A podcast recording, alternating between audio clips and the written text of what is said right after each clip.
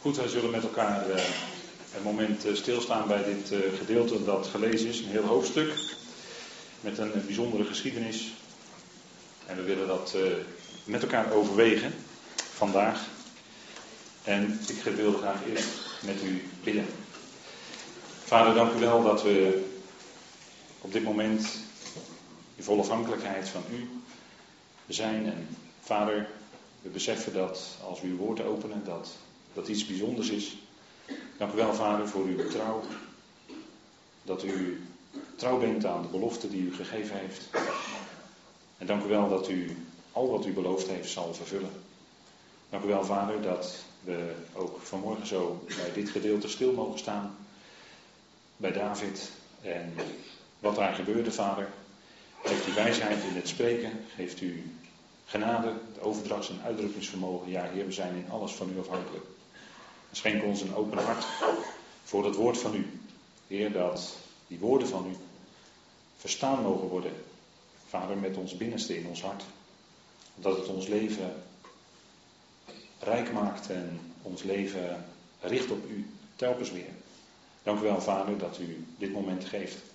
En mag het zijn in alles, tot opbouw, bovenal tot lof en eer van uw. Vader, we danken u daarvoor in de naam van uw geliefde zoon. Amen de dorsvloer. Een eh, bijzondere plaats. En daar willen we vanmorgen bij stilstaan. Wat daar gebeurde rondom die dorsvloer en wat die dorsvloer hiervoor betekenis heeft.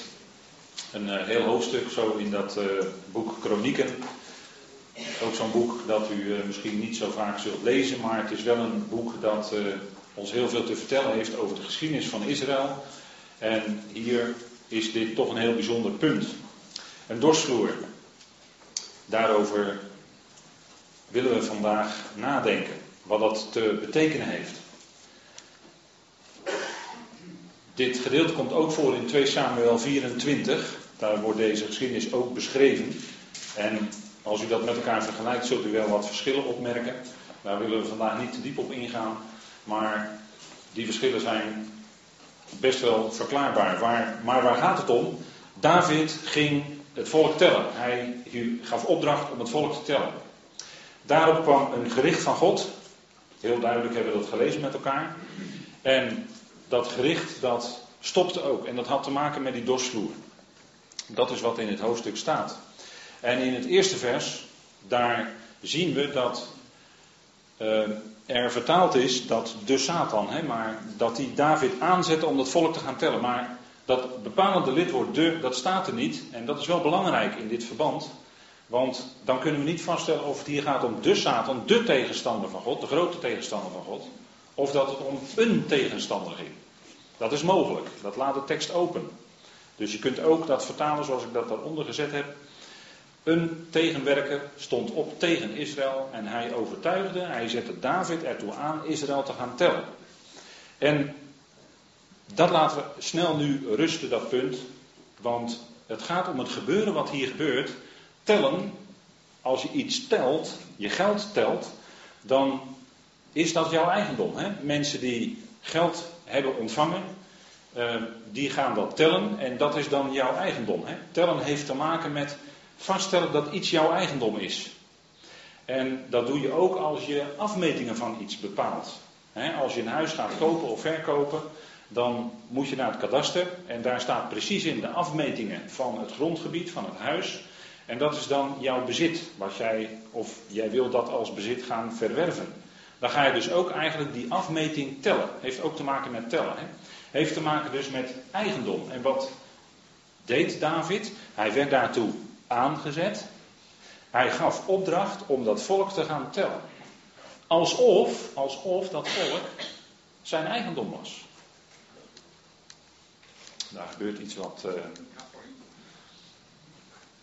alsof dat volk zijn eigendom was. En daar zat een punt in dit hele verhaal. Daar zat het punt.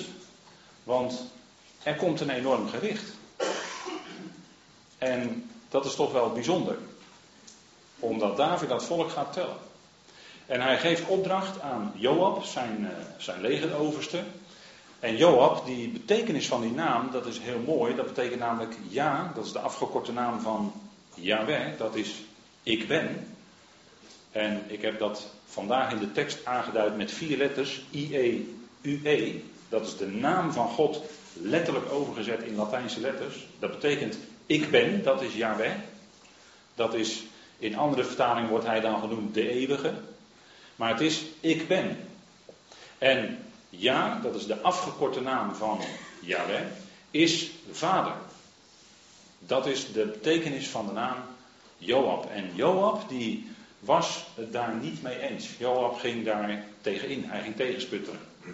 Hij wilde het eigenlijk niet. Misschien wel omdat hij aanvoelde dat dat wat David wilde, dat het iets was wat niet bepaald op dat moment de bedoeling was. In het verleden was het volk namelijk wel geteld bij Mozes toen ze uittrokken uit Egypte en toen ze het land weer binnengingen.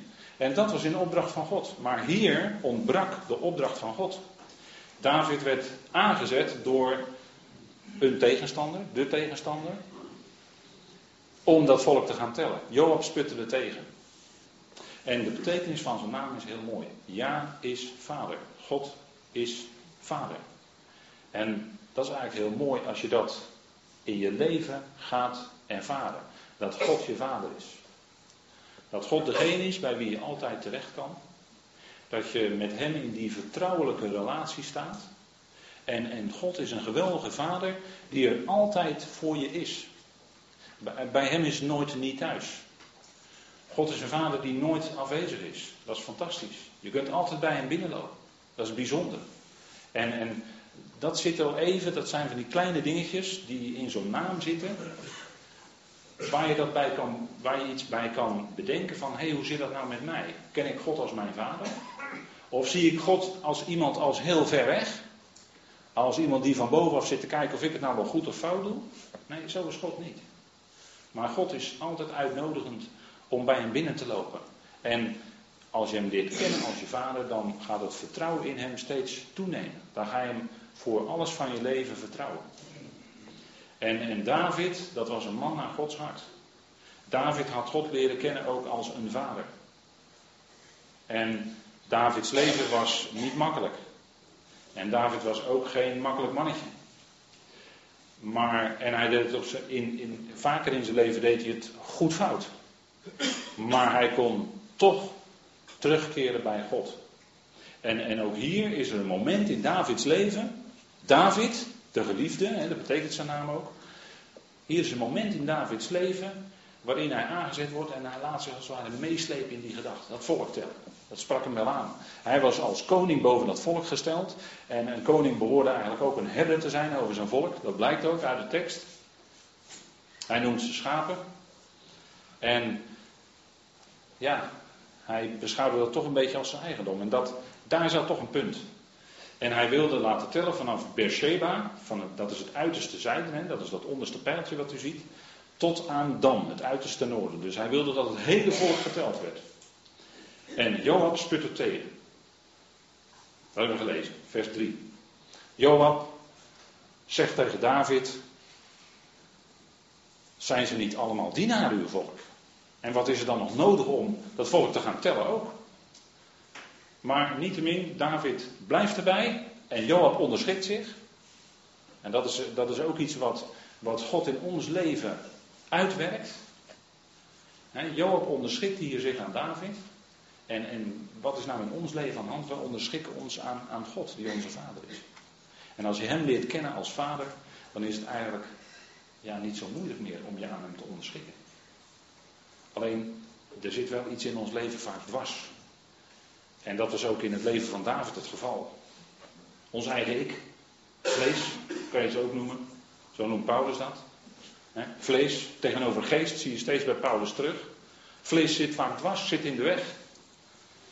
Maar als je gaat onderschikken, dan ontdek je dat het vrede en rust en genade in je leven geeft. En Joab gaat toch tellen. Joab onderschikt zich aan David. Die is tenslotte de koning. Die is door God daar gesteld als koning. Joab staat onder hem. Hij onderschikt zich, gaat toch tellen. En dat was kwaad in de ogen van God. Ik heb u genoemd het punt van tellen, hè? het eigendomsrecht. Deze zaak was kwaad in de ogen van God en daarom sloeg hij Israël.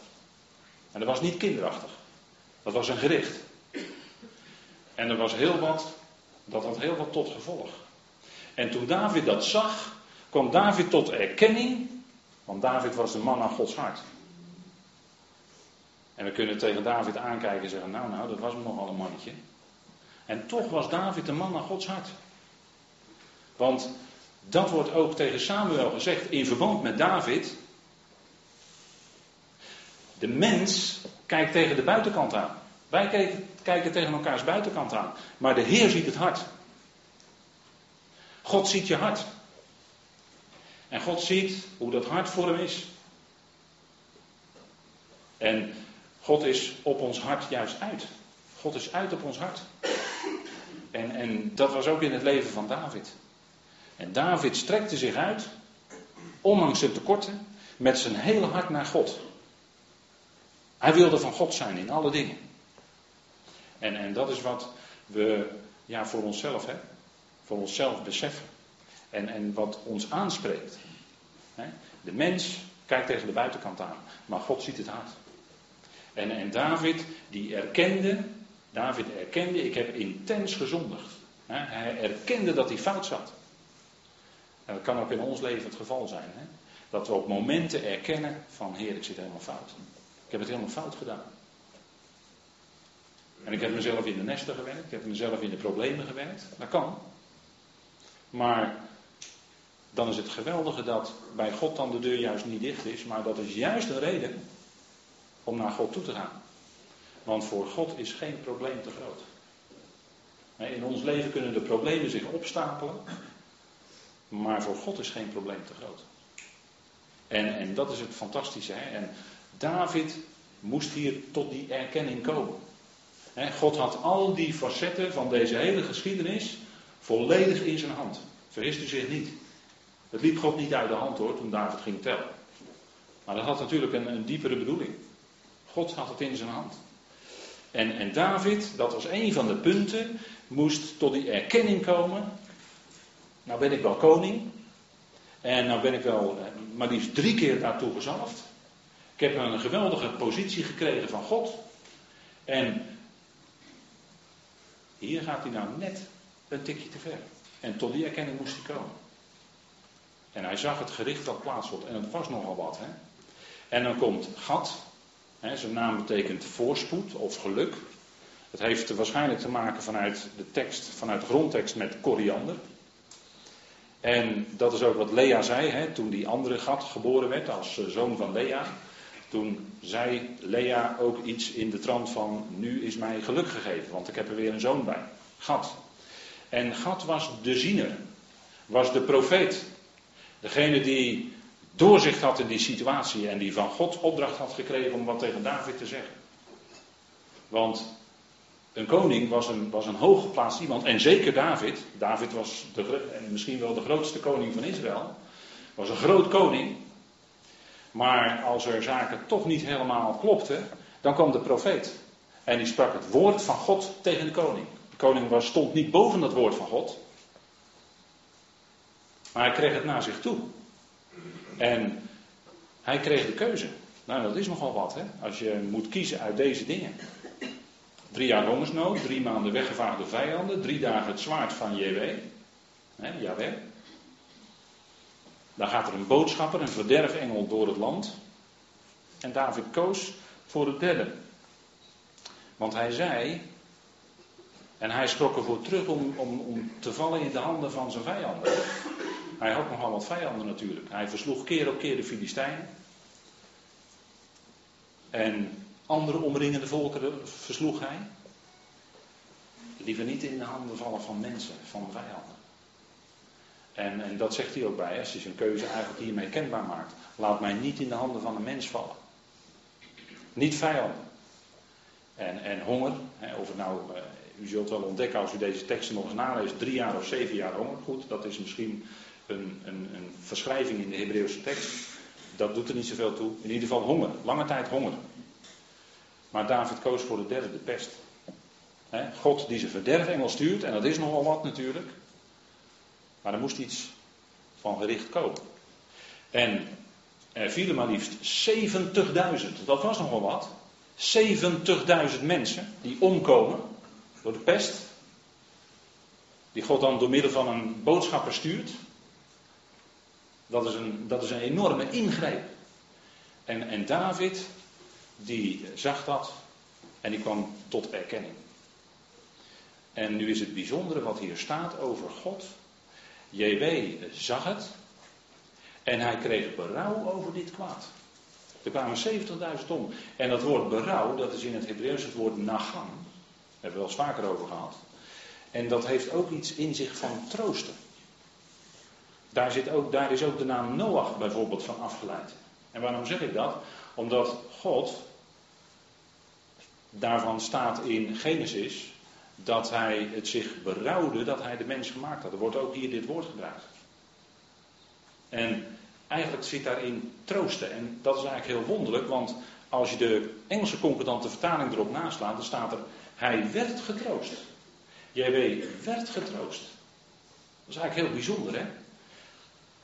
Waarom is dat zo? Omdat God wel hier een gericht laat uitvoeren. Maar God, de God van de schriften, is niet de God van doden, maar van de levenden. God keek verder, God ziet. JW zag het, hij ziet, en dat is hier heel belangrijk in dit, in dit hele geschiedenis, dat God ziet. Dat wil zeggen, hij voorziet ook. En hij ziet om in ontferming. En hij werd getroost omdat hij verder zag dan dat wij mensen nu kunnen kijken. En wat we mogen weten is dat God in de toekomst opstanding gaat geven. Want dat is de plaats hier. Het heeft met opstanding te maken. Hij werd getroost. En dat was ook het geval bij Noach. Hè? Er vielen 70.000 maar liefst in Israël. En dan ziet God dat. En dan zegt hij tegen die verderfengel: Het is genoeg. Toen was het genoeg. En het wonderlijke is, in dat woord genoeg, daar zit eigenlijk in um, herstel. Daar zit genezing in. Dat is eigenlijk bijzonder. Hè? Als er staat dat de Heer uw heelmeester is, dat staat in Exodus. De Heer is uw heelmeester, dan is dat heelmeester is hetzelfde woord, van hetzelfde woord afgeleid. Het is nu genoeg. Er zou herstel komen. En dat zegt ook iets over wat hier plaatsvindt. Hier vindt een enorm gericht plaats. En dan kun je zeggen, nou nou, dat is nogal wat. 70.000 mensen. Maar een gericht van God is nooit op zichzelf. En dat is het geweldige. Hè? Een gericht van God is altijd tot correctie, tot herstel, tot genezing. En dat was zo in het leven van David. En het is ook zo in ons leven.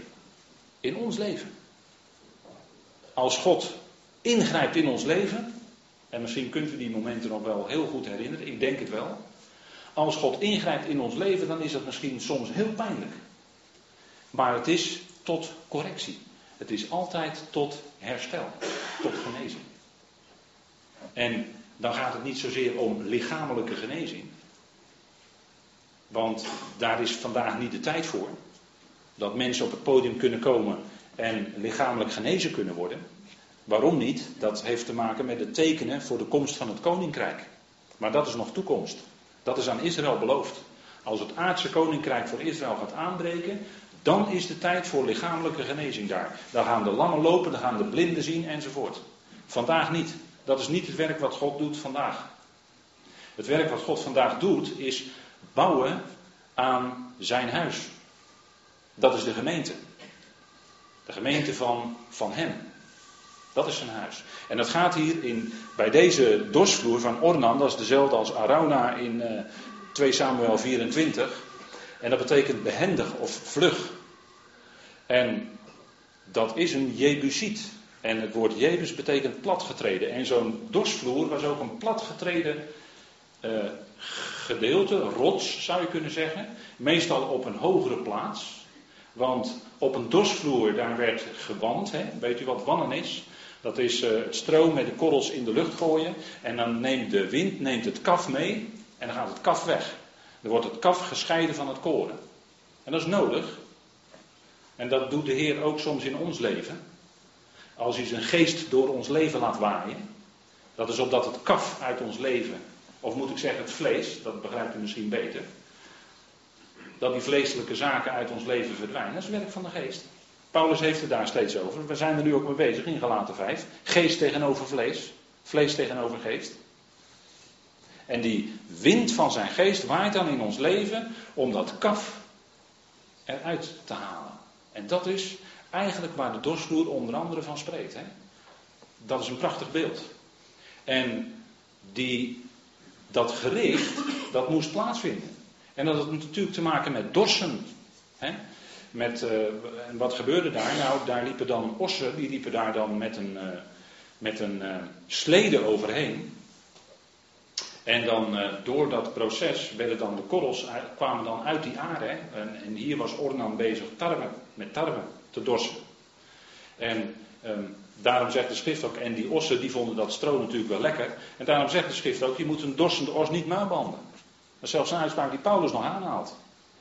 Die, die ossen die moesten dat werk doen en ondertussen mochten ze van het graan zelf eten. Dat was voorzien in de Torah. En waar het om gaat, waar het om gaat op deze plaats, is het zien.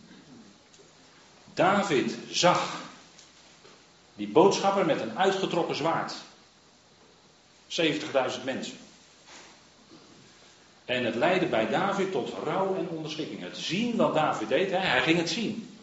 En dat leidde bij hem tot rouw, tot onderschikking. En tot gebed. En dat is ook waar situaties in ons leven, als, als God ingrijpt en hij is bezig dat kaf uit ons leven weg te, hè, weg te blazen, dan leidt dat tot gebed, want dan heb je het moeilijk. En nood leert bidden, weten we. En dat is ook zo. Nood brengt je op je knieën. En dat is ook goed. Want dat is, dat is dan ook de plek waar je moet zijn, op je knieën. Rouw en onderschikking en gebed. Daartoe leidt het bij David. Het zien wat David deed. Hè? En, en, en daarom uh, is, het, is het zo fijn om met Gods woord bezig te zijn. Want wat gebeurt er dan? Dan ga je dingen zien. Dan ga je ook dingen doorzien. Dan kijk je niet meer met je eigen oogjes, met je zielse oogjes, maar dan ga je geestelijk leren kijken, geestelijk leren zien door dingen heen. Het zien, als je gaat zien, heeft dat gevolgen. God heeft ons gegeven verlichte ogen, zien, van ons hart. Zodat we iets van die geweldige heerlijkheid, die Paulus in zijn brieven bekend maakt, gaan zien. En dat, dat is belangrijk, dat we dingen gaan zien. Hè? En dat is zeker in deze beeldmaatschappij, hè, met allemaal beelden, is dat eh, denk ik belangrijk dat je gaat zien vanuit Gods woord. En JW ziet, hè, dat staat ook zo hier belangrijk in die tekst aangegeven. JW zag het. Hij zag het. Hij zag het verderf. En dat leidde bij hem tot het stopzetten ervan. Hè. Troost. Hij troostte zich. Hij had er berouw over. En hij zette genezing in. De plaag stopte bij de dorsvloer. Dus dat zien, hè? JW ziet om. Hij zag om naar zijn volk. Hij zag om naar David. Dat is het geweldige. En het is hier een hele bijzondere plaats hoor, voor wat betreft dat zien. En dat was. En David kreeg daarna een opdracht om op de dorsvloer van Ornan een altaar op te richten. En een altaar dat spreekt van van aanbidding. En hij bracht daar, we hebben het gelezen, hè, het spreekt van aanbidding. Hij bracht daar brandoffers. Hij bracht daar vredeoffers. Als het in uw vertaling staat dankoffers, dan moet u dat even corrigeren. Het zijn vredeoffers die hij bracht. En een altaar spreekt van, van overgave, spreekt van aanbidding, spreekt van geloof. En, en dan kunt u zeggen, ja, dat is mooi, dat was toen, zoveel jaar geleden. Maar wat zegt mij dat nu, vandaag? En dat hoor je wel eens zeggen. Dat is mooi dat je het allemaal zegt, maar wat betekent dat nu vandaag voor mij? Nou, dat altaar voor ons, wat is dat? Dat is dat wij ons lichaam kunnen stellen tot een levend, heilig en God welgevallig offer. Een offer. Heeft dus te maken met een altaar. Wij kunnen ons lichaam stellen, als je het evangelie gaat begrijpen, als je daar iets van gaat verstaan, van die grote God die je lief heeft, dan gaat er misschien iets in je groeien van, ik wil van Hem zijn en ik wil mijn lichaam stellen tot een levend offer. Dat is bijzonder, hè? Het is geen doodoffer. Die, uh, runderen die waren geslacht en dat was een brandoffer. Hè? Dat was een opstijgoffer eigenlijk. Hè? Dat steeg in aanbidding op naar God. Hè? Het is letterlijk een opstijgoffer. En, en dat is wat God bedoelt voor ons leven. Dat ons leven is tot eer van Hem. En dat het wordt tot een opstijgoffer voor Hem. Hè? Een levend offer. Geen doodoffer. Nee, leven. We zijn tot leven gewekt. Dat is ons altaar. Hè? En, en misschien hebt u wel dingen waarvan u zegt van ja, ik vind het moeilijk. Ik vind het moeilijk in mijn dagelijks leven om van God te zijn. Geef je aan hem over. Dan zal hij dingen gaan doen boven jou bidden en boven jou denken. Dat is bijzonder. Hè? En, en als dat het evangelie in ons uitwerkt, dat is Gods bedoeling. En zo bouwen aan dat huis. En David gaat omhoog, hij ontmoet Ornan. Met vier zonen is hij bezig tarwe te dorsen op zijn dorsvloer. En dan beginnen de onderhandelingen. En Ornan wil eigenlijk liever, ja, grootkoning David staat voor hem, nota bene zeg. David. Nou, hij zegt tegen David, joh, je mag dat wel gratis hebben. Je mag die hele dorsvloer van mij mag je hebben. Maar David zegt, nee, ik wil ervoor betalen. Ik wil niet goedkoop aan deze plek komen, waar ik een altaar moet gaan oprichten voor God notabene. Daar wil ik voor betalen. En hij betaalde 50 sikkelen zilver voor de dorsvloer. En dan moet u letten op de formuleringen. Want er zit geen tegenstelling in Gods woord hoor. Degenen die dat beweren, dat eh, ah, Gods woord zit vol met tegenstellingen, door dit en dat. Nee, Gods woord kent helemaal geen tegenstellingen. Dat zijn boze tongen die dat beweren. Nee, in het ene gedeelte staat 50 sikkelen zilver, die betaalde hij voor de dorsvloer, voor dat plekje. Maar hij betaalde maar liefst 600 sikkels goud. Niet alleen voor die plek, maar voor het hele terrein daar. Want David had in zijn hart een verlangen om het huis van Yahweh te gaan bouwen. Mocht hij niet, deed zijn zoon Salomo daarna. Maar David had het diepe verlangen in zijn hart voor het huis. En daarom wilde hij de volle prijs betalen. 600 sikkels zilver, dat was een astronomisch bedrag. Ongelooflijk. En hij kocht het hele gebied gelijk. Plus 50 sikkels zilver voor de dorstvloer op zich. En, en zilver in de schrift heeft te maken met loskoping, heeft te maken met verlossing. Het is de plek van verlossing, plek van loskoping. Daar zou God zijn huis laten bouwen. En goud spreekt van de heerlijkheid van God. Nou, daar kun je zoveel over zeggen, maar goud heeft te maken met de godheid van God. Dat wil zeggen dat God bij macht is te doen wat hij beloofd heeft. God laat zich niet tegenhouden door mensen. God laat zich niet tegenhouden door volkeren. God doet wat hij beloofd heeft. Hij volvoert zijn plan. Dat is de heerlijkheid van God. En daarom is hij ook werkelijk God, omdat hij het zegt en hij doet het ook. En dat kunnen de afgoden van de volkeren niet. Want hij is de levende God. En hij zal doen naar alles wat hij gesproken heeft, tot in detail. En dat is betrouwbaar. Nou, dat is de heerlijkheid van God. En dan bouwt David dat altaar en hij bidt in aanbidding tot God. En God accepteert het, want hij geeft vuur uit de hemel en steekt zelf het offer aan. Dat is in de schrift steeds, als God het offer accepteert, steekt hij het zelf aan. Vuur uit de hemel. En dat gebeurde al bij Kain en Abel. Maar hier werd het offer van David geaccepteerd. En, en David is natuurlijk een, een geweldig beeld, een type van onze Heer Jezus Christus. Die later zelf het grote offer zou zijn. Waardoor God, om het zo maar te zeggen, geaccepteerd werd. Volkomen geaccepteerd, want hij was een volkomen lam. En deze plaats, die verwijst daar naar. En het gaat om die plaats. Hè. Ik heb even een aantal teksten op een rijtje gezet waar de aandacht gevestigd wordt op deze plaats. De dorsvloer van Ornan. Dat is een hele bijzondere plaats. En we kunnen ons afvragen, ja, waar is dat eigenlijk? En als ik het zeg, dan weet u het wel. Maar waar is eigenlijk die plaats? Hè? Want David zegt iets bijzonders in dat vers wat we net niet gelezen hebben. Dit is het huis van Elohim, hè, van JW. Elohim, dat is de Heere God. Dat is de Heere God. De ik ben die tevens onderschikker is. En als je aan hem onderschikt, dan, is het, dan, is dan heb je het goed. En deze plaats is namelijk de Tempelberg. Die dorsvloer van Ornan of Arauna, dat is de Tempelberg. En het is goed mogelijk dat dat wat u ziet daar met die goudkleurige koepel, dit is niet allemaal goud hoor, het is eigenlijk aluminium. Met een heel dun laagje uh, flintergoud eroverheen, alsof het net lijkt alsof het goud is, maar het is helemaal geen goud. Maar het is heel goed mogelijk dat, daar, dat die dorsvloer van Ornan of van Arauna precies daaronder ligt. Het is dus een belangrijke plaats. En u ziet dat over vers 1 begonnen met de tegenstander. Hè? Nou, u ziet hoe belangrijk die plek is. En daar werd het huis van Jahweh door Salomo gebouwd. Daar op die plek. Het wordt ook genoemd de Tempelberg.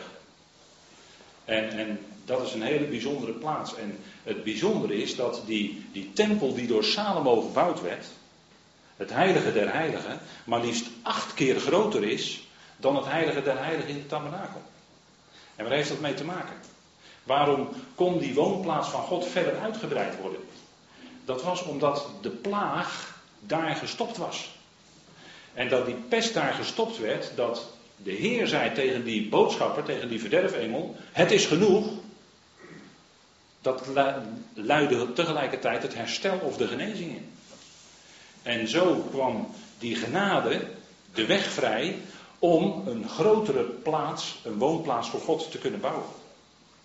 En natuurlijk is deze tempel van Salomo, die al schitterend was hoor. Dat was echt een enorm bouwwerk, als je daarover leest. Maar dat is eigenlijk een beeld van de tempel die straks zal staan in de duizendjarig rijk. Die door Ezekiel beschreven wordt. En die is nog groter. En dat heeft te maken met onze Heer. Hè? Zij spreken eigenlijk allebei van onze Heer. De tabernakel spreekt eigenlijk van de Heer in zijn aardse situatie, toen hij mens was geworden op aarde. En die tempel van Salomo spreekt eigenlijk van de grotere heerlijkheid, namelijk na zijn opstanding uit de dood. En met het woord dood, daar moeten we niet te snel langslopen, want dat is het kruis. En dat is het centrale gegeven in Gods plan van Eon, in Gods plan. Het draait om het kruis. Want wat gebeurde daar, dat is essentieel. Wat daar gebeurde. Daar kun je niet zomaar langslopen. Maar dat is kern van Gods plan. Is dat daar de plaag, namelijk de zonde, stopte. Want de zoon werd daar tot zonde gemaakt. En dus opdat wij zouden worden, gerechtigheid van God in hem. Maar omdat hij tot zonde werd gemaakt, is op Golgotha het punt van de zonde eens voor altijd opgelost. Over, over verlossing gesproken. De plaag van de zonde hield op. Door zijn werk. En dat is de, de verlossing, de bevrijding die we, die we in ons leven hebben ervaren. dat, dat Hij voor ons alles heeft gedaan. En het is niet zo dat je dan, Hij heeft alles gedaan en dus nu hoef ik verder helemaal niets meer te doen. Als mensen dat van ons zeggen, dan is dat, uh, dat is onjuist. Laat ik een voorzichtig woord gebruiken. Is onjuist. Is niet waar. Maar als je dat gaat ervaren, dan begint het pas. En dan gaat God, hè, dat is de bedoeling van het evangelie, dat wij brandofferaltaar, dit is de plek van het brandofferaltaar, Ornan, hè, de, de dorsvloer van Ornan, dan gaan wij ons lichaam stellen tot een God levend, heilig en welgevallig offer. En een offer dat houdt heel wat in. Heel je leven. Dat kost je dus alles. Maar als je die liefde van God ervaren hebt, ja, dan, dan wil je dat ook. En dat is het punt, hè. Dan werkt God dat in je uit. Dan wil je dat ook. En dan gaat het gebeuren. En die tempel van Salomo werd dus gebouwd op de plaats van de dorstvloer. Daar waar de plaag, daar waar de pest stopte. En God stopte de plaag van de zonde door het werk, het offer van Jezus Christus, de dood van het kruis. Paulus spreekt daarover, hè? dat hij gehoorzaam is geworden tot de dood, ja, de dood van het kruis. En dat is niet niks.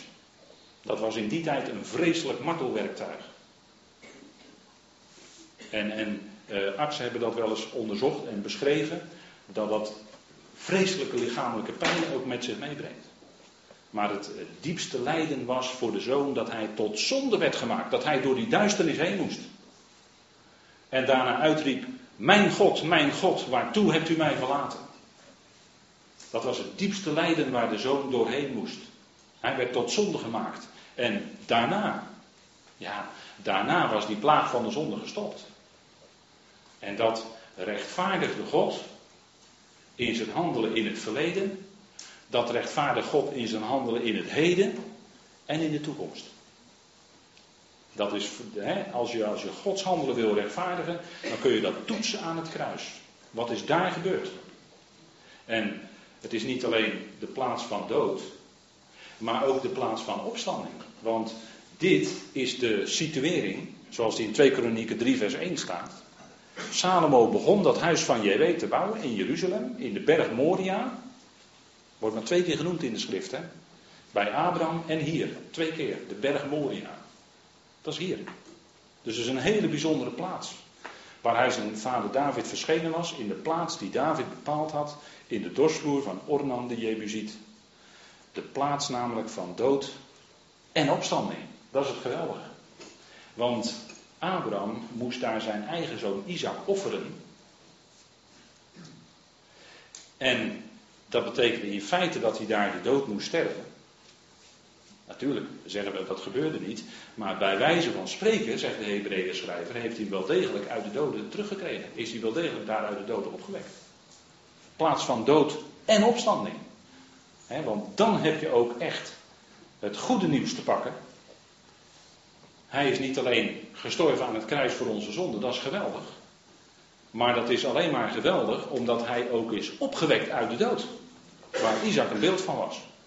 Dood en opstanding. En daarom is deze plaats zo ongelooflijk belangrijk. En daarom is de weg nu vrij voor grotere heerlijkheid. Groter dan de tabernakel. Want de plaats, want de plaag was gestopt. Genade van God. Nu is de weg vrij tot de vervulling van Gods plannen. En ik heb hier even heel snel op een rijtje gezet voor u. De uitbreiding van de woonplaats van God. Want als we ons afvragen waar woont God vandaag, dan kan ik zeggen, ja, hij woont onder andere in u en mij, in ons hart, van binnen. Daar woont hij door zijn geest. Dat is Gods woonplaats, de gemeente. Maar die woonplaats van God, die zal uitgebreid worden straks in de tempel van Ezekiel, die groter is dan de tempel van Salomo. Het nieuwe Jeruzalem, de nieuwe aarde, daarvoor wordt gezegd, God woont bij de mensen. Dan is zijn woonplaats dus ook al veel groter geworden. En weet u wat nou wonderlijk is? Dan zijn we nog niet in het evangelie van Paulus. Want het evangelie van Paulus maakt duidelijk dat God eens alles in allen zal zijn. En dan betreft het niet alleen deze aarde waar God woont, maar ook de hemelen, het hele universum. Al die hemelse machten en krachten horen er ook bij. Dat zal uiteindelijk Gods woonplaats zijn. Heel het universum. Ongelooflijk. En, en zo'n grote God hebben wij. Zo'n grote God. Die alles volledig in zijn hand heeft. En die nu vandaag in ons hart woont. Dat is nu zijn woonplaats. Dat is eigenlijk fantastisch als je erover nadenkt. En dat kan hij doen omdat de plaag van de zonde is gestopt op Golgotha. Waarnaar de berg Moria verwijst. En, en dat is heel bijzonder. Hè? En omdat die plaag van de zonde is gestopt en hij is opgewekt en leven heeft, heeft hij ons ook tot leven gewekt. Want wij zijn allemaal op Golgotha met hem inbegrepen. Eén stierf voor allen en dus van allen. En dat is opdat degenen die leven, zegt Paulus in 2 Korinthe 5, opdat degenen die nu leven, u en ik, niet meer voor zichzelf leven. Nee, maar dan gaat je leven er heel anders uitzien. Voor hem, die voor ons stierf en opgewekt werd. Voor hem, ons leven voor hem. Daar gaat het om. We zijn een nieuwe schepping in hem. Daar hebben we nu al deel aan. We zijn in feite al voorbij al wat tegen de besnijdenis gezegd wordt over Gods woonplaats. En we bevinden ons al in de nieuwe schepping. Dat is zoiets fantastisch. En wij zullen te maken krijgen met inderdaad de verlossing van de hemelen op grond van wat hij deed. En dat is een geweldig goed nieuws. Amen. Goed zullen wij de Heer danken. Vader, wij danken u dat we een kort moment stil konden staan bij toch deze zo bijzondere plaats, Vader. De dorsvloer van Arauna, waar u de plaag stopte. Vader, zoals later, een geweldig beeld, Vader, van u die later de plaag van de zonde stopte door het meest geliefde wat u had, uw eigen zoon, tot zonde te maken. Vader, opdat wij zouden worden gerechtigheid van God in Hem. Vader, wat is fantastisch dat wij in Hem zijn, dat u door Hem naar ons kijkt. Vader, dat u ons aanziet in Hem als onbeschuldigbaar. En dat u ons roept, Vader, dat brandofferaltaar, dat u ons roept om ons lichaam daarom te stellen tot een offer voor u, wat levend is voor u welgevallig. Vader, dank u wel voor die heerlijkheid van het evangelie. Dank u wel voor uw heerlijkheid, uw goud. Vader, u heeft werkelijk alles volledig in uw hand, ook in ons leven. Vader, en dan dank u dat we met al die dingen die ons misschien zorgen baren, die ons benauwd maken, dat we met al dat naar u toe kunnen gaan. En beseffen, Vader, dat die geweldige heerlijkheid, die geweldige liefde van u, zal doordringen in dat hele universum. Vader, doordring ons hart en leven daarmee. Opdat wij door die liefde gedrongen, Vader, mogen leven en voor de ander iets kunnen betekenen. We danken u, Vader, voor uw goedheid, uw trouw. En mag ons leven zijn, Vader, de komende week meer en meer tot eer van uw naam. We danken u daarvoor in de machtige naam van uw geliefde Zoon, onze Heer Jezus Christus. Amen.